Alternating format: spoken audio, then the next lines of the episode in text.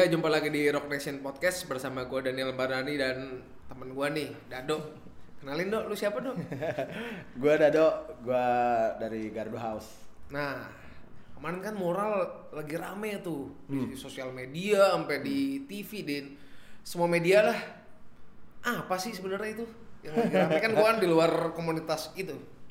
Ya kemarin ini sih ada beberapa anak-anak tuh yang coba mengapresiasikan keadaan di lingkungan tempat mereka gitu. Ya mungkin kita di kota besar nggak terlalu dapat impact ya. Mungkin yang di pinggiran nih kota-kota kecil itu berasa nih adanya ppkm dan segala macam. Akhirnya mereka mencoba menyuarakan lewat tembok gitu. Dia Oke. yang pertama tuh yang di Tangerang teman-teman dari Itu heboh tuh. Ah. Tapi katanya habis Tangerang kayak gitu makin banyak mural di Tangerang. itu habis dari Tangerang teman-teman HSC viral terus teman-teman yang di sidoarjo sana kena juga gitu dia yang ngangkat beberapa isu di sekitarannya terus terakhir balik lagi ke Tangerang yang Akhirnya makin rame ya. Itu ya situasi kayak gini memang memang bikin sosial media itu jadi alat buat menggoreng tuh gampang banget ya Asli. Ah, ah. Eh, eh. Dan juga ininya para aparat nih terlalu berlebihan menyingkapinya lah Hmm. sampai ada penangkapan harus minta maaf kalau gue lihat nggak ada sisi yang harus dimaafkan sih itu kan Ekspresi ya. ah ah, gitu dan suara kita se- sebenarnya dilindungi sama undang-undang kan Iya ada undang-undang padahal ya. iya juga itu Iya, ya. itu dia gitu ya memang situasinya lagi lagi serba aneh lah sekarang Mm, mm, mm. Nah sebelum lanjut lagi dok, Gardu House itu apaan sih dok? Gardu House, Gardu House itu ah kalau gue udah mengkultuskan Gardu House tuh kayak headquarternya graffiti yang ada di Indonesia sih. Jadi Oh, mm-mm, dari kapan itu Gardu House? kita bentuk dulu 2010 nih. 2010, lama juga ya 10 ya, tahun. ya 2010 kita pelan-pelan. Nah kita ngebangun jejaring nih di situ di dalamnya kita bikin movement, bikin aktivasi, Apa acara tahunan dulu yang sering gue sering datang? street dealing. Street Dealing Oh, tuh iya. rame banget sih Street acara. Ya, ya. Gokil sih tuh Street Dealing. ya sampai udah masuk kategori festival lah sekarang ya Iya. Set Dilin itu em, event dua tahunan yang bener-bener ditungguin nih sama teman-teman yang Asia Tenggara sama Nah, setiap gue ke Street Dealing pasti banyak orang asing maksud gue dari teman dari mana nih ada yang dari Vietnam ada yang dari Belanda Gitu. itu gimana jaring jaringnya tuh gimana mereka bisa air bisa sampai sini gitu Eh. dari US itu dia kita awalnya nge, eh, ngemulainya dari dari lokalan nih Mm-mm. yang lokal nih kita kita rangkul Mm. graffiti kalau di luar tuh biasanya kan gap-gapan oh gitu East Coast, West Coast, Kayak hip hop ya, ya? ah, terus geng geng-gengan. Nah kalau di sini gue karena kultur kita tuh kultur yang guyup ya, Mm-mm. Dan akan enak nih kalau kita guyup besarnya bersama nih si komunitas graffiti ini. Akhirnya ya udah kita rangkul teman-teman yang daerah, kita ngobrol, kita gerak bareng, bikin sesuatu segala macam. Dari yang di Indonesia ini udah mulai mereka produktif dan segala macam, akhirnya yang di luar-luar nih negara-negara tetangga kayak Singapura, Malaysia, Brunei, Filipina, Korea, akhirnya malah terlibat tuh. Email-emailan apa gimana kontek-kontekannya awalnya cuma apa oh, emang random aja dia datang ke sini dia nyari gardu house gitu langsung apa gimana? Iya dia dia cari tahu Indonesia siapa ya yang ininya gitu yang memulai atau yang bisa menjalankan uh, apa sih movementnya si graffiti yang ada di sini dari Singapura uh, waktu itu bikin namanya Solidarity mereka ngumpulin se Asia Tenggara nih siapa pelaku pelaku Hmm. di dalamnya. Nah di Indonesia dilihat Gardu House yang paling paling menonjol lah gitu. Kita lumayan aktif memang mem- membuat ini itu dan segala macamnya. Kita juga bisa eh, merangkul dari ujung barat sampai ujung timur gitu. Kita jadiin satu. Mereka ngelihat wah ini kayak pergerakan yang lumayan masif nih dan kalau di luar mungkin pertumbuhan graffiti itu bisa dibilang uh, agak lama ya Mm-mm. di Indonesia dua tiga tahun orang turun ke jalan itu gambarnya bisa nyamain sama Oh, cepat karya-karya karena itu Belajar dari YouTube apa langsung tuh dok? Kalau main gitar kan istilahnya bisa dari YouTube gitu. Kalau musik ya, kalau graffiti tuh harus turun langsung ke jalan gitu, trail error gitu apa apa YouTube juga nih? Kayak sama kayak musik. bisa sih ya ada ada yang belajar dari situ ada yang dia memang udah digging setiap hari bikin sketch Hmm. bikin sketch ngembangin karakternya dia sampai jadi segala macem ya mungkin ada bantuan dari buku Hmm, dari literatur. Eh, eh, influence dia artis-artis yang di luar gitu nah karena sekarang juga media komunikasinya ini jauh lebih gampang Hmm. jadi ya percepatan itu bener-bener bet bet bet tahu-tahu wah gawat gitu Regenerasinya berarti ada banget ya. eh 10 tahun terakhir ini gila Gua Gila ya regenerasinya Oh, gila oh. ya. itu untuk graffiti makanya gua ngejalanin ini nggak nggak setengah-setengah sih karena mulai melihat gelagat industri yang wah ini ada nih bisa nih kita kita mainkan kita kolaborasi sama sama brand-brand atau sama korporasi atau pemerintahan sekalipun Yang gitu udah jalan apa itu dok?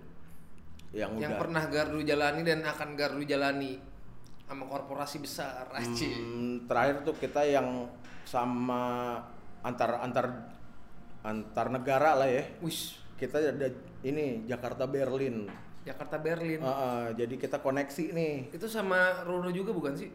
Beda lagi ya? Hmm, ini emang inisiasi anak-anak sih sebenarnya awal tuh inisiasi anak-anak jadi awalnya dulu kita gambar di terowongan Blora tuh di Duku Atas tahu tahu tahu Ah, tahu. dari situ terus kita pernah bikin pameran juga di tim Pak Gubernur juga datang segala macam. Nah yang terakhir kita kemas jauh lebih cakep lagi gitu. Kita konsepin terus dua artis dari Indonesia sama Jerman ini juga apa ya mengkreasikan karyanya tuh yang bener-bener nge-represent negaranya masing-masing. Oh, gitu. jadi si Jakarta ini udah kayak sister city-nya Berlin lah bisa dibilang gitu. Iya katanya kalau kata orang-orang kota graffiti itu sebenarnya kata bukan New York, teman Jerman ya. Kota tepatnya gua nggak tahu apa. Bininya teman gua orang Jerman sempat ngomong kayak gitu. Hmm.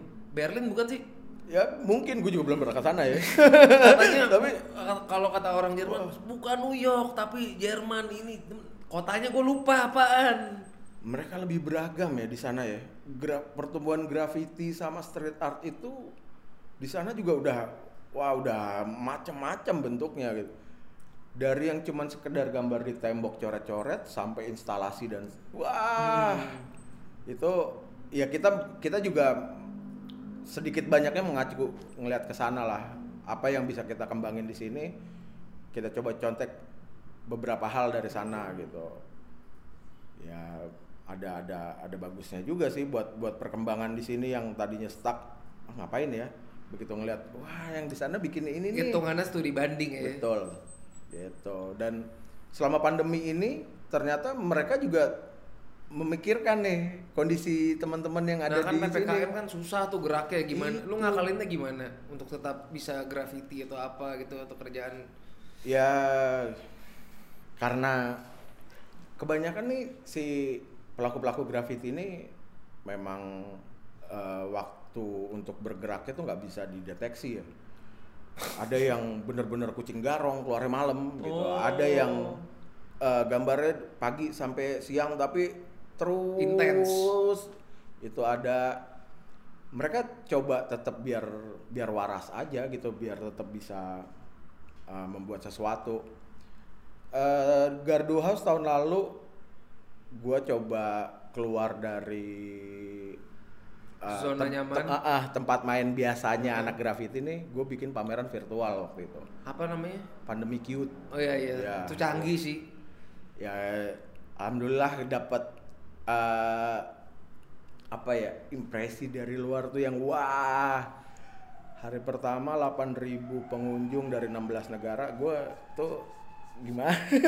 Itu awalnya gimana sih? Lu bisa bikin pandemi cute? Masih bisa dibuka nggak sekarang website udah enggak. udah nggak Udah bisa ya? bisa. itu seru banget itu kalau lu Iya, pada iya. yang pernah masuk ke website itu jadi lu kayak dalam game cuman lu bisa jalan ke kanan kiri lihat karya dari eh, dan bisa, dibeli. bisa dibeli. Heeh, gitu. kayak main game aja. Betul. bedanya cuman nggak ada live bandnya aja. Belum kali ya. Ah ya gue kasih bocoran dikit gue rencana sih si pandemic youth ini gue Hmm. bikin trilogi. Oke. Satu dua tiga gitu. Nah yang kedua ketiga ini penyempurnaan dari yang pertama. Oh di pertama kayaknya asik nih tambahin live music atau apa. Nah yang kedua nih gue coba nanti bikin formula baru ada live main ya? ada iya gampang Jadi tahu mau band yang mana ada lah bandnya. yang kenal gue banyak aja orangnya seru sih, gue pengen banget main virtual, bener-bener virtual Betul. aja udah kayak gitu, bener-bener dalam dunia yang virtual. ya kita coba lah Kayak main kayak lu manggung cuman dalam game gitu, gue pengen banget kayak gitu. apalagi lu di pameran seni Nah, bentuknya virtual Ah, itu, Itu perlu ya, dicoba sih. kalau di luar mah udah banyak, di sini masih dikit kayaknya deh. Apa Di- belum mungkin? di sini gue gue sendiri belum lihat sih ya mungkin ada tapi gue nggak ngeh kali Hmm, tapi kalau di luar memang karena source SDM-nya Nah, iya sih. segala macamnya juga gila Sponsor juga gila.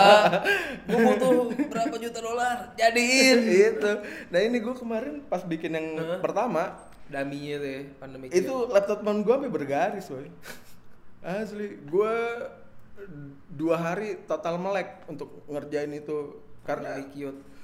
apa ya, virtual bener-bener nol ilmu gue di situ. Tapi gue nyoba pengen bisa. Akhirnya paksain paksain paksain. Ya alhamdulillah. Akhirnya kalau nggak salah lo kerja sama sama sekepal aspal juga ya? Eh, tadinya ya ada rencana ya. Oh. terus eh, kayaknya mereka punya konsep yang lebih bagus Hmm. mungkin terus lebih lebih ringan nih mungkin diterima di komunitas motor dan segala macam akhirnya ya udah gerak sendiri sendiri Kalau Gardo sendiri dok, Hmm. sebenarnya tuh kan kolektif nih ya. Siapa aja sih artisnya? Eh, Gardo House tuh awalnya eh, founder-foundernya ini gue punya kru nih, gue punya kru gambar tuh dari tahun 2001 gue bentuk sampai akhirnya Jadi sebelum ada Gardu House sudah ada orang-orangnya duluan. betul. Itu eh, Artoholic tuh ada 10 orang. Udah berjalan waktu udah pada masuk ke step berikutnya berkeluarga dan segala macam. Kita akhirnya membuat satu inkubator lah. Mm-mm. buat kita sharing, buat kita bikin sesuatu, kita berkarya. Akhirnya jadi itu Gardu House. Nah, di awalnya juga kita nggak kepikiran akan jadi toko dan Hmm. gitu. Seiring jalan, ternyata ada hal yang bisa dimanfaatin dari situ Hmm. gitu. Ya udah, kita jalanin pelan-pelan, pelan-pelan. Sekarang 11 tahun berjalan, ya alhamdulillah. Siapa ya yang masih aktif? Sek- untuk setahun terakhir ini tinggal gua. Maksudnya dari ya. dari itu semua cuman yang masih aktif graffiti di jalan gitu. Am- Semuanya sih masih aktif sih. Cuma ya memang intensitasnya aja yang berbeda ya. Ada yang setahun cuma sekali gambar, ada yang setahun cuma dua kali, Kalau- ada yang tiap minggu, tiap bulan gambar Kalau ada. bujangan urban kan si Jablay masih gardu kan. Wah gila, dia mah militan boy. Dia yang udah pernah ke Jerman tuh ya. Mm-mm, dia udah emang dia nih yang banyak membuka jalan gitu. Oh gitu Heeh. si Jablay. Pola pikir si bujangan urban ini si Jablay memang lumayan aneh gitu dan lumayan kepake nih di Gardu House. Mm-mm. Dia bisa men- menyiasati keadaan dengan caranya. Itu keren Sama kerennya dong. Ikonik sih gambarnya dia. Gue lagi main misalnya di Pemalang, Kebumen, gue pikir gambar Jablay kan gue fotoin, Blay, gambar lu. Bukan. Bukan. Iya. Udah ada pengikut-pengikutnya dia daerah-daerah sana. Fans-fans garis kerasnya doi. oh, waduh. ikonik itu bunganya itu tuh. Itu. eh, dampak pandemi buat Gardu apa nih tuh? Penjualan pilok berkurang apa gimana? Semua pasti berdampak ya kalau UMKM ya. Ya, Apalagi apa- kan graffiti kan tuh kegiatan outdoor. itu dan kebutuhan bukan premier, tersier, sekunder, dua dua R yang paling bawah kayaknya dia. Dampaknya kencang banget sih. Cuma ya karena memang kita juga melakukan beberapa hal selain berdagang gitu akhirnya ya dikala kita pusing memikirkan wah kita harus eh, berjualan gimana nih ya satu sisi harus ada movement yang dijalanin Nah, juga nih apa? Ah. yang nyambung sama toko sih ada kita program bulanan tuh namanya Iron Wall jadi kita undang mengkurasi Mm-mm. terus kita undang untuk gambar di depan toko nih kita sediain satu tembok dari baja namanya Iron Wall itu 7 meter kali tiga lah itu tiap bulan tuh biasanya ganti gambar cuman selama ppkm ini kita stop dulu gitu mungkin bulan depan Mm-mm. kita bisa mulai lagi Tokonya sekarang di mana dong? Kan udah ganti-ganti berapa kali tuh. Mungkin yang nonton ada yang nggak tahu sekarang Gardu ada di mana. ya selama kita ngontrak sih kita pasti nomaden ya ngerasain kan Gue dulu sering banget nongkrong di Gardu. Eh, itu dia kita Dari sekarang tempat ada yang di mana, di mana, di mana. pengennya sih emang stay di satu tempat yang bener-bener proper gitu. Mm-mm. Cuma ya pelan-pelan. Kita sekarang sampai saat ini ada di Bintaro sektor 1. Minta sektor satu. Mm, gitu. Nanti ke depannya kita akan membuat hal-hal seru apa lagi ya tungguin aja. Mm-mm. Kita memang lagi ngeramu nih di tengah segala keterbatasan yang ada gitu. Nah, kegiatan Gardu sendiri selain mural apaan tuh, Dok? Kita punya kreatif lab Nil di Oh, dalamnya. creative lab. Mm-mm. Untuk bikin video, foto Hmm. atau mau mengembangkan media kreatif yang lain gitu. Kita sebenarnya terbuka. Si Gardu House ini kayak kayak buat temen tuh sharing ilmu gitu. Lo bisa apa? Oke, yuk kita jadiin yuk dari Hmm. dari yang lo punya nih gitu. Nanti dikombain sama kebiasaan gua, kebiasaan yang lain dan segala macam gitu. Ada ada kreatif lab di situ tuh yang yang bikin eh, nuansa berbeda lah dari tempat-tempat lain gitu. Hasilnya yang udah jadi apa dulu? Contoh ini Ah, ah, ah. street dealin Oh, street dealin. dari kita cuman bazar kecil ngundang toko-toko Ah. eh, yang berjual tools graffiti ini sampai skala festival itu kita dapat insight dari teman-teman eh ditambahin ini yuk tambahin ini. Terakhir tuh di gudang Sarinah ya. terakhir kemarin di Senayan City sampingnya Anjing gua Hmm. ketinggalan. Senayan City. Gila, Dari awalnya cuma di karburator spring gitu. itu tuh tuh, tuh. Lisensi ya. ya alhamdulillah gawat tuh emang yang terakhir pecah banget sih dan itu jadi momen yang ditunggu-tunggu akhirnya sama yang di luar-luar. Kapan kita bisa kumpul Oh. lagi gitu. Lebarannya anak graffiti bisa dibilang. Lebaran. Iya, yang dari Makassar datang, dari mana datang ya? gawat dari Makassar bela-belain naik perahu lima hari di laut Ah. untuk datang. Jalur jalur Dan laut. segitu pengorbanan mereka gitu makanya Sampai sini mereka emang ngumpul-ngumpulnya apa berkarya juga. sebisa mungkin mereka ikut gambar Hmm. gitu walaupun nggak terlibat di bagian acara street dealing-nya gitu tapi kan kita bisa gambar di jalan nih gitu Oh. Gitu. Di ibu kota ya. Yoi. Eh, bentar dong. Kalau apa? Terakhir lu akan kolaps sama brand atau misalnya produk apaan? Eh, ini yang lagi digodok ada sih satu brand Mm-mm. eh, teman-teman juga ya saling inilah crossover ya Mm-mm. yang ini dari peraparelan Mm-mm. kita dari kreatifnya nih Mm. gitu kita coba tabrakin nanti hasilnya kayak apa sih ya tunggu aja masih masih dalam tahap godok-godokan ya terus sama beberapa korporasi juga kita lagi mencoba menjalankan pola pola main baru gitu tapi ya ya kita lihat nanti Tadi gue liat ada teh botol.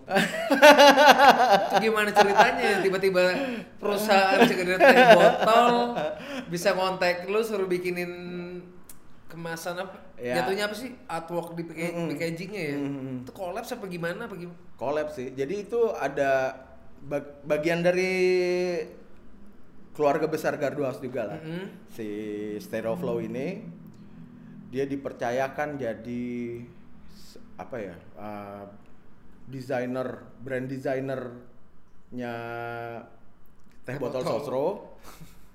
Yang paling utama. Tapi di luar itu ada juga 15 artis lainnya Oh, gitu. gitu. itu kayak dibikin kayak apa sih kompetisi dan segala macam gitu kayaknya ya nah si Stereoflow ini uh, memang lagi di lihat banyak orang nih.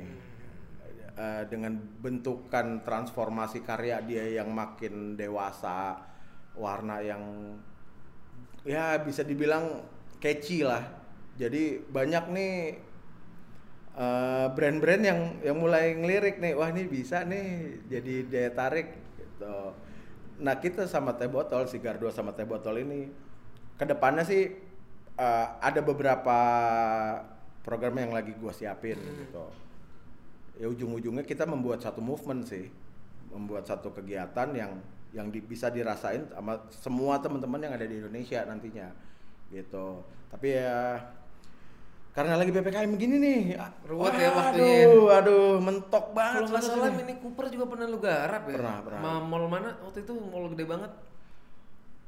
mall mall tuh kita pernah GI pernah eh Plaza Indonesia Masa Indonesia tuh ya. Eh, waktu itu Fashion Week atau apa ya Itu berarti atoknya diserahin bebas kalau apa emang ada mereka ada udah ada barikadenya lo harus kayak gini Enggak kayak gini. sih, ngasih sejauh ini sih ngasih kebebasan kita Oh, gitu? Eh, Sama hotel juga pernah ya? hotel di Hyatt Kayak gila dari, dari jalanan tiba-tiba di Hyatt gitu. ya itu itu dia gue Ajaib juga sih hotel Hyatt lagi. gue yang tadinya cuma sekedar coret-coret di jalan nggak Hmm. jelas gue gue jalanin terus kok ternyata bisa nih gue coba kemas jadi bentuk yang cantik sehingga si korporasi dan brand-brand ini tertarik gitu untuk memakai karya kita Sejak kapan sih? Apa apa triggernya tuh pas kapan gitu? pertama kali gue Hmm. dapat project itu dari Sampurna tahun 2005 kita ngerjain di Pandaan Surabaya pabrik Jauh. terbesarnya Oh di pabrik langsung ya? Mm-mm. itu kita gambar 2 kilo panjangnya Lah kali. Dua- 2000 meter Yang berarti. bener lu. beneran Berapa orang dok? Eh, tujuh 8 orang Anjing, Iya. 2 kilo 8 orang doang. jadi satu orang tuh waktu itu sekitar dapat 50 70 meteran gitu Kalau mau lihat karyanya ada di mana? Instagram Gardu ada nggak? Oh, tahun 2005 sekarang Oh eh, iya, 2005 belum ada Instagram ya. Nah, lu kan banyak karya-karya di luar kayak gitu tuh. Eh. Dokumentasinya ada nggak kan? Negara kita emang rata-rata ya dokumentasi nomor dua lah. itu tuh untuk era-era awal kayak kita kurang banget sih. Nggak peka lu ya Ah, sama ah. dokumentasi ya. Iya. Ya mungkin Mungkin 2000 pensi korporatnya punya kali tuh. harusnya sih ya. Mintain mau- buat arsip kalau tuh. buat Sayang lagi. Ayo, dua- Graffiti 2 kilo. itu tuh itu ajaib juga sih terus di sebelum itu juga gue sempat uh, bikin satu tim uh, bertiga Mm-mm. kita coba ngakalin ruang publik Mm-mm. kita jadiin tempat buat uh, mereka beriklan dan segala macam itu di 2004 waktu itu gua, gua Lama. itu ngejalanin Gue masih SMA. kita dapat klien dari telco tuh Indosat lah Edan. dan beberapa ininya ya kit- di situ gue sebenarnya cuman mikir oke gue dapat cuan dari project ini tapi cuan itu biar gue bisa gambar lagi di jalan Pada saat itu. pada saat itu ya namanya anak kuliahan Mm-mm. seberapa sih duitnya gitu ya gue sih berpikirnya cuma sebatas itu nggak nggak nyari fame atau apalah nyari cuan yang berlebih enggak gitu. Semua sebisa mungkin gue balikin karya di jalan lagi di saat itu tapi sekarang dengan pertumbuhan yang segini besarnya udah macem-macem gitu titik lu sadar di mana nih graffiti bisa jadi mata pencaharian lu kapan tuh? Semenjak ada Gardu House Oh 2010 itu ya. iya gue ngeliat Baru kelihatan tuh ya. iya ini bisa Ternyata nih masa Iya. depan gua di sini nih sampai lu resign kantor kan kalau nggak salah. resign kantor tapi gue juga nggak bukan yang full time artis lah ya Mhm. bisa dibilang gue tetap ngejalanin freelance design gitu Hmm. jadi untuk untuk asupan utama gue tiap bulan tuh gue tetap di situ nah design ya. si graffiti ini buat alter ego gue aja dan kalau gue dapat project atau kerjaan dari graffiti gue anggap itu bonus Oh. gitu jadi gue balik Sam- Gua- ah, ah, biar gue nggak terlalu berharap besar sama Sampai graffiti. sekarang? sampai sekarang Oh gitu. Gua Mm-mm. pikir lu udah full aja di situ. enggak sih ya gue punya sisi lain kan yang gitu Hmm. graffiti mulu lu juga kan ngeband mulu bosan pecah pala lu iya harus harus harus diimbangin. iya itu dia Nah lu kan biasa gambar nih dok. hmm. Lu pernah nggak sih bikin gambar buat artwork kayak kaos band atau merchandise band gitu pernah nggak sih? kaos kaos band Merchandise band. orang tapi gue nggak ingat sih nih leh Band apa? udah banyak banget kayak ya kita kan eh, kalau gue pribadi gue nongkrong di dua sisi nih Mm-mm. eh scene graffiti sama scene musik. Mm-mm.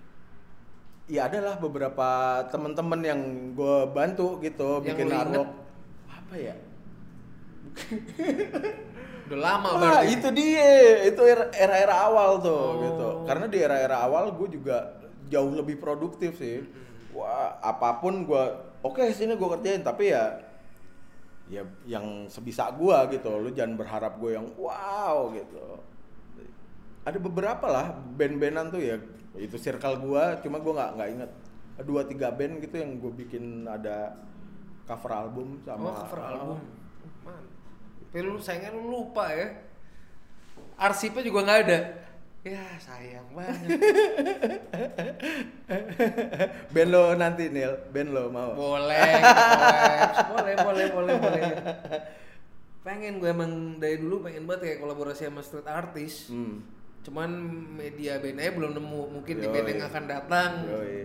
Nemu tuh titik temunya tuh. Yoi. Kan gitarisnya lu kenal. gitarisnya juga into graffiti. Yoi.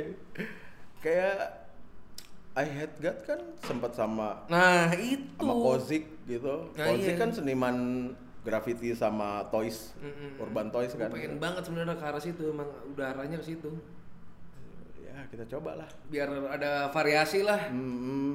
ada tampilan baru paling enggak gitu loh. berapa menit? 30 mau sampai berapa jam? 45 atau Empat. sejam juga. 45 45 kali ya. Masih banyak ya dok. 6 ini dok 6 moral favorit lu? 6 6 pertanyaannya 666 gitu kalau Hmm. gua. Kalau gue yang jadi hostnya serba 6 moral favorit deh. jangan moral lah kita kita persempit jadi 6 artis street art favorit lu Oke.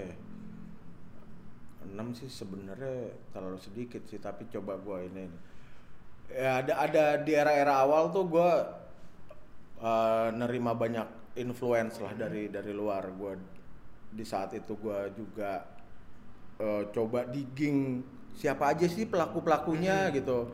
Kayak apa sih karya-karyanya dan itu yang yang ngebuat gua sampai sekarang bertahan karena mereka melakukan banyak hal ternyata nggak cuma graffiti. Graffiti di dibikin gini dibikin gini dibikin gini. Itu yang jauh lebih menarik buat gue salah satunya ada kayak Sepat Ferry OB oh B ah, ya, ya terus ya. ada Bengsi. Bengsi. Anonymous ya iya. Bengsi siapa sampai sekarang masih kagak tahu itu dia. Denger-denger sih salah satu personel Massive Attack ya.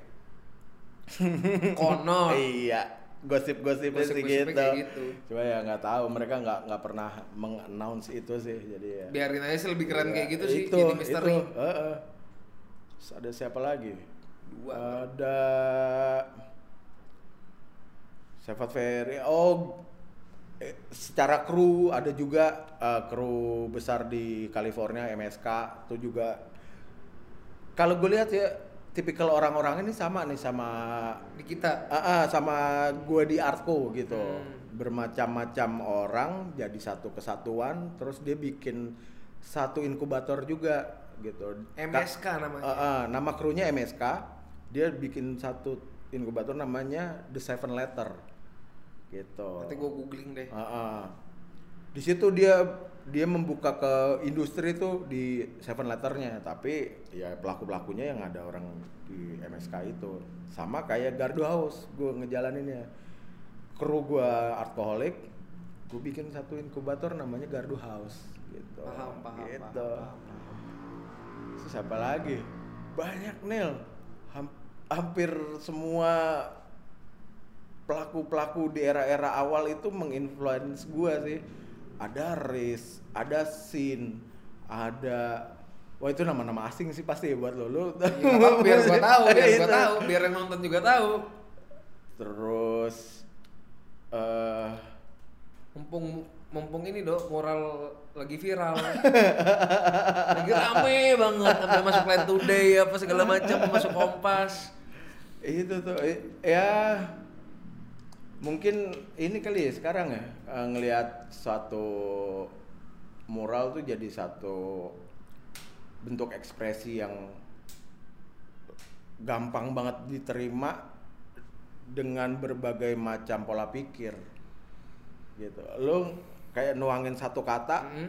tapi ditelaah orang yang melihat itu akan jadi berjuta-juta gitu nah itu yang ditakutin mungkin ya sama beberapa orang yang terganggu gitu. Oke, pihak-pihak Ah, yang terganggu, yang terusik ya. Ah, ah. Bedanya kalau menurut lo pribadi mm, graffiti sama vandalis kan banyak tuh tagging asal-asalan yang misalnya gambar kontol apa Hmm. gambar apalah kliennya dia ngerusak nge- sebenarnya nggak enak dipandang mata sih kalau Iya. menurut gua graffiti itu memang kalau menurut gue dia dia ada ada sisi merusaknya Mm-mm. dan ada sisi yang tetap menjaga estetika Mm-mm. gitu. Yang merusak ini ya memang bagian dari graffiti. Hmm. Ini malah yang jadi orang melihat gitu.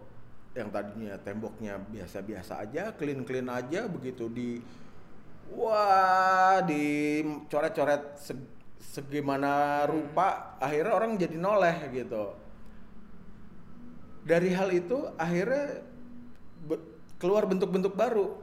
Dipercantik warnanya dimasukin dan segala macem ya itu ada persepsi yang berbeda lagi tuh orang melihatnya. Yang tadinya merusak kok jadi cantik ya? Nah kalau mak- maksud gua tuh yang kayak cuman asal coret gitu doang loh dok. Masalah namanya dado wasir cuman kan ada tuh yang kayak gitu tagging taggingan doang. Ya ya itu emang kultur apa gimana sih gue ngejalanin itu dari STM Nil Oh gitu Iya. Dado Makanya gue gue seneng sama graffiti ini. Gue mulai dulu dari zaman STM. Gue suka coret-coret segala macem. Terus gue juga kebetulan ngedengerin musik-musik metal di tahun itu kan logonya kan Hmm. Oh, iya, iya, iya. cantik-cantik itu akhirnya ngaruh ke style lu ya ngaruh ngaruh banget apalagi di era-era awal tuh pengaruhnya kenceng banget gitu karena selalu itu yang gue bikin kayak logonya Sepultura dengan tanduk-tanduknya Ma- Maiden fontnya yang Ah. wah dari situ gue coba karena mungkin bosan ya bikin Metallica kan begitu. Masuk gue bikin begitu mulu, gue tambahin ah, Hmm. tambahin arrow, tambahin aksen apa, tambahin ini. Akhirnya ya jadi deh tuh. Begitu gue tahu graffiti, oke, ini gue sebenarnya punya media yang besar nih. Jalanan. jalanan iya sih gede sih jalanan Eh, eh, nggak ada ujungnya tuh tempat main gue. Dulu awal-awal tahun ya 98-an lah, gue juga belum begitu mengerti dunia graffiti itu apa. Gue pernah gambar di gerbong kereta batu bara di daerah itu pakai izin gak sih Enggak lah. Oh, enggak enggak. Enggak ada, enggak siapa yang mau ngizinin iya sih ya. kalau udah minta izin Nggak belum tentu diizinin ya nggak ada waktu itu gue sama teman-teman gue tuh masih sering wisata ke sana, Mm-mm. cek ke Anyar dan segala macam terus ngelewatin itu apa ya stasiun Cilegon apa apa ya. Terus ada ada beberapa gerbong tuh yang ya udah ngejogrok di situ. Oh emang udah nggak kepake juga. Heeh. Ya gua nggak tahu itu itu masih bisa jalan atau enggak tapi dia dia diem di situ nggak nggak ada kepalanya gitu. Terus ya udah pul- pulang dari gua dari Anyer itu gue ini ada inisiatif eh mampir material yuk di pilok. Gue ngapain? Oh, gue mau coret-coret itu tuh tadi gerbong cakep gitu. Itu gue nggak kepikiran itu gra- bakalan jadi graffiti Heeh. gitu. Karena ya udah gue cuman nyoret-nyoret aja saat dah awalnya dari situ kok jadi enak ya. Gue punya media yang macem-macem nih nggak cuma sebatas kertas sama pensil gitu. Gerbong kereta ya. baru dari situ pelan-pelan. Ah coba di tembok. Sekitaran aja daerah-daerah komplek. Mm-mm. coba pakai kuas. Akhirnya coba berani pakai pilox. Sampai sekarang. Sekarang. Mm-mm. gitu. Hmm, sih tempatnya? nah, graffiti kan sama musik deket, apalagi sama musik hip hop. ya banget Nah kalau lu sendiri 6 band favorit lu apaan itu? yang ka- kadang lu kalau grafitian gitu tuh sambil dengerin lagu gak sih? Atau pas bikin sketch gitu? mostly ya Mostly ya. Iya. La- Eh, musik tuh menemani menemani lu ya. Iya banget. Untuk ngejaga mood gambar tuh Mm-hmm. tetap tetap kebangun kan bisa dari situ tuh. Kalau gambar jangan bawa boombox gak? Gila, ribet gila. Dan gue eh, sering sendiri soalnya gambar Mm. karena nggak ada teman ngobrol ya udah gue pasti nempel tuh earphone di di musik-musik yang biasa nemenin gue yang nggak jauh 6 aja, 6 ya, 6 album lah yang paling sering lu ya masih berkutat di era-era awal gue dengerin ya kayak Maiden Maiden album apa? Maiden yang gue lagi dengerin sekarang ini eh, Seven Sun Seven Sun Oh iya, Nah, yang dulu itu gue pikir yang baru ya. enggak gue lagi ngedengerin lagi Ah. gitu kalau album yang barunya ini sih gawat tuh Writing Iya. on the Wall itu kan Belum tua. Yoi. terus ada ya, Sepultura sih gue wajib sih ada di playlist gue Album apa ya? album yang pertama gue beli Mm-mm. di hidup gue Apa tuh? Beneath the Remain Ya. Favorit gue juga Beneath the Remains dibanding Arai sama ID Beneath the Remains selalu gue gue mau sunat kalau gue dibeliin kaset itu Nil dulu Gila mau sunat aja syaratnya gitu beli kaset itu sama kaos Motorhead. Tapi Oh. kaos Motorheadnya karena size nya sedengkul jadi nggak dibeliin jadi kaset doang. Itu apalagi ya ya kalau hip hopnya gue masih dengerin kayak Tupac gitu kayak masih terus Run DMC, Public Enemy. Hmm. ya tapi nggak nggak se ini gue sama metal sih. Kebanyakan Mostly gua- metal. mostly metal sih. Makanya ngaruh di karya lu tuh ya Eh, pengaruhnya mungkin ke bentuk-bentuk kayak oh ini kayak logo band ya Hmm. kayak gitu-gitu gitu mungkin kalau band-band era sekarang yang biasa nemenin gua berkarya tuh kayak ada Mastodon, Mesuga Ngitung Gitu. dong kalau Mesuga Hitungan kan Yo, iya. Itu apa ya tadi ya?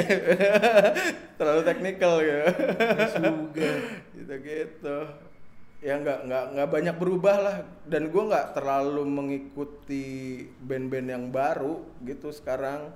Nongol nongol nongol, gue banyak nggak taunya malah. Wah ini Semakin banyak band baru sih sekarang dan semakin bingung juga kadang-kadang Sedang- Ada sisi negatif positifnya juga tuh Betul. Dan ya ya itu sih memang ada memori yang kalau kita deng- ngedengerin ya ka- kalau gue nih ngedengerin Sepultura album Beneath the Remain tuh gue bener-bener kayak flashback. Gue ke masa kecil gitu. Gue kebentuk Belum tuh mikirin ah, cicilan boro-boro.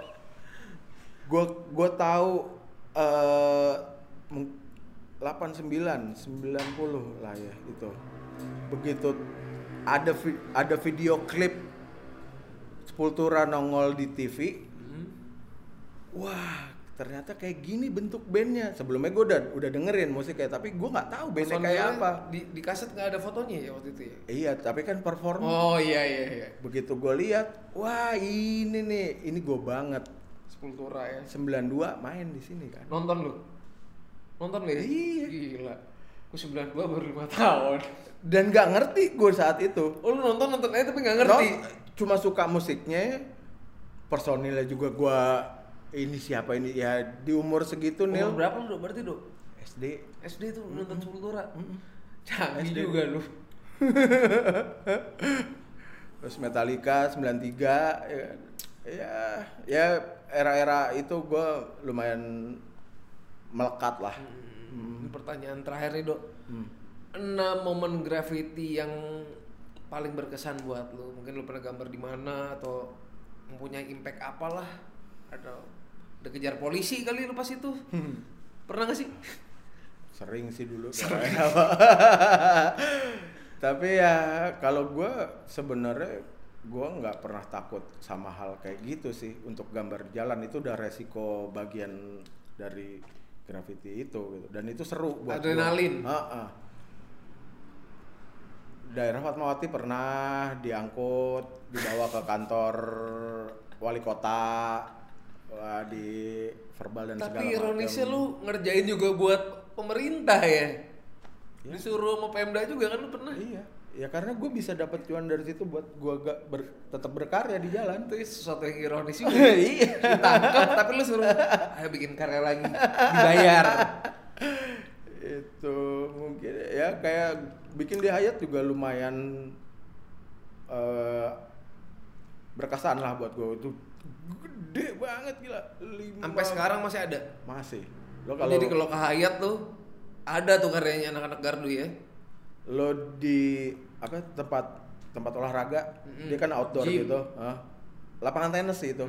Be- kita bikin background hutan gitu wah ya lu nanti kalau ada kesempatan bisa lihat sendiri lah itu gawat terus yang pas di Pandaan sana di pabriknya Sampurna juga berkesan buat gua karena di situ banyak banyak hal tuh yang terjadi gitu Mistis. enggak ya Kan gua kebayanginnya pabrik ya kan. kebakaran boy kontrakannya Hah? di hari terakhir Kontrakan tempat anak-anak nginep. Set bisa kebakaran.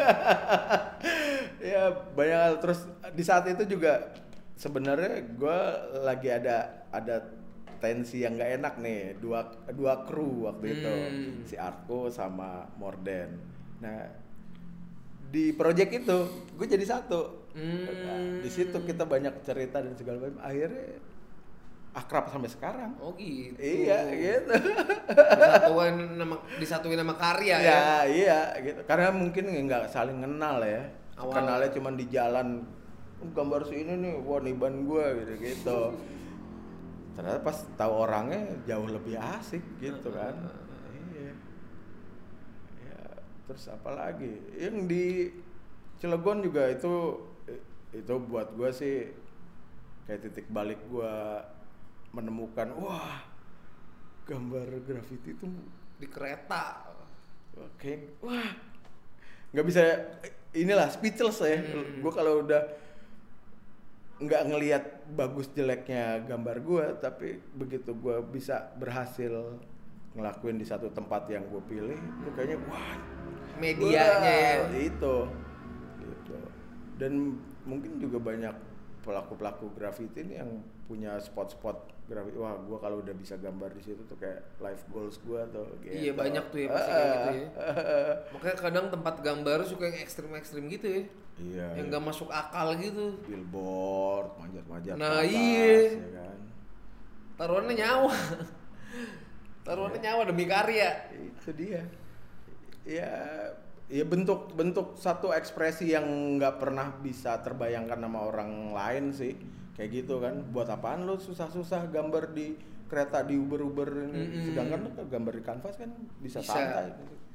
Tapi itu emang ada satu hal yang nggak terbayarkan sama itu adrenalin lu tuh bener-bener di wah gile Apalagi lu habis itu lu. paling awal-awal gue gambar sama Arko gue eh, jadi kampus gue ini pindah nih dari Panglima Polim ke Wijaya Mm-mm.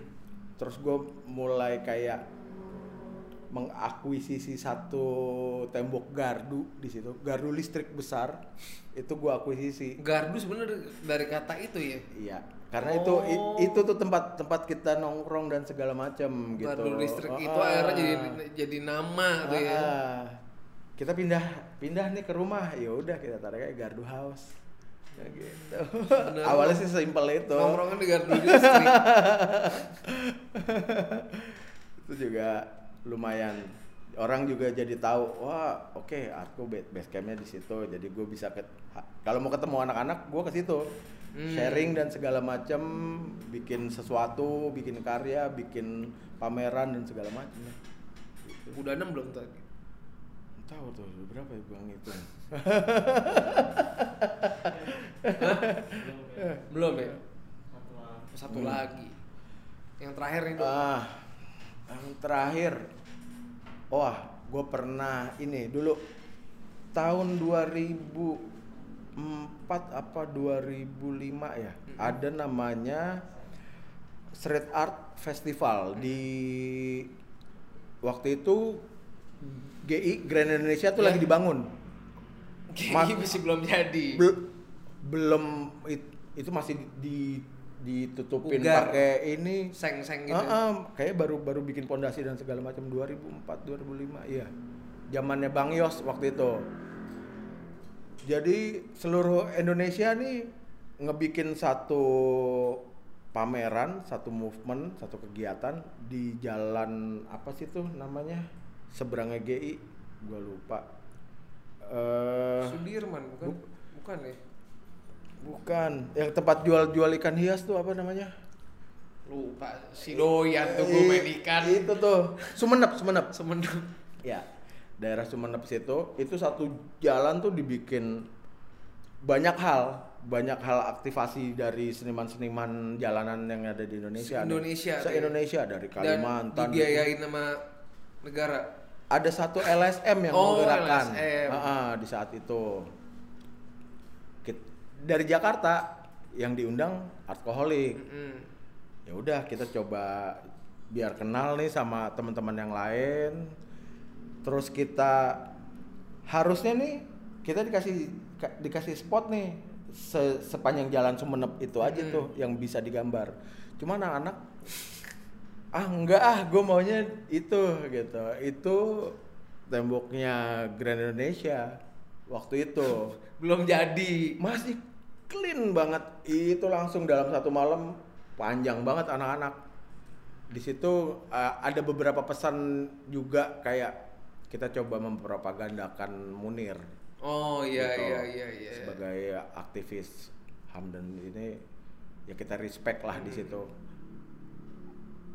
Gue naikin uh, Munir stensilan itu buat suatu bentuk apa ya ekspresi dari anak-anak nih mempertanyakan hal yang nggak tahu apa jawabannya gitu Sampai sekarang. sampai sekarang dan itu juga yang ternyata teman-teman lain nih ngelihat oh iya bisa ya ternyata graffiti itu dijadiin satu bentuk perlawanan nih Hmm. gitu. Yang apa sama kayak yang dilakuin di si Obey kan? bener Iya, tapi kalau Obey jadi produk akhirnya. Ah, untuk di Indonesia tahun 2004 Iya belum sih. kepikiran Di jalan Nah, aja nggak iya. dibikin kaos. Ah, gitu oke ternyata graffiti ini nggak cuma lo bisa nyoret-nyoret doang gitu lo bisa Ada pesannya, kayak musik aja ya. betul itu dia nah, ya udah coba deh tuh ada beberapa part yang kita mempro- mempropagandakan ada hal-hal yang mungkin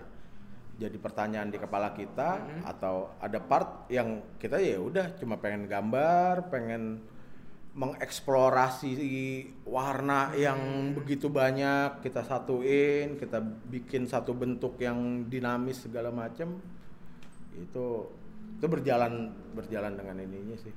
Akhirnya hilangnya berapa lama tuh? Karya pasti kan ditiban kan mau jadi GI kan? Iya, jadi kita sempat diberhentiin tuh nih tengah malam nih pas lagi ngerjain Bang Yos uh, bawa pasukan. Iya waktu itu preman-preman gede-gede gitu. Paksa berhenti udah. Mm-mm. oke. Ya kita kalah lah. Mm-mm. kalah banyak kalah fisik juga. Tapi kita gerilyawan nih Dia cabut. kita biarin mereka cooling down. Mereka pada bubar. Satpol pp tetap di situ ngejagain sampai pagi kita tungguin sampai dia terlelap. Anjing. begitu dia tidur gue bikin blockbuster bang yos. Gedenya tuh mungkin sekitar 10-15 meteran. Tulisannya Bang Yos. bang yos warna pink. Terus di situ gue bikin satu karakter pilokus namanya. Jadi kaleng kaleng pilok Eh. ada sayapnya gitu. Itu pada terbang-terbang gitu terus sama jejak kaki itu jejak kakinya sampai ke mobil satpol pp jadi Ada terkesan ya. jadi terkesan yang membuat itu ya satpol pp itu Pikiran aja ya.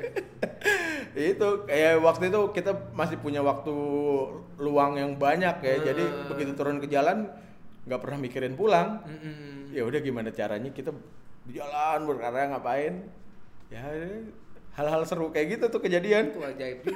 Coba ada dokumentasinya tuh. Kalau foto mungkin kayaknya masih ada ya di internet gitu. cuma untuk untuk detail foto sampai itunya Ah. agak susah sih Gitu. Oke oke. Saatnya ke atas dok, milik kaos dok. gitu dapat deh alright alright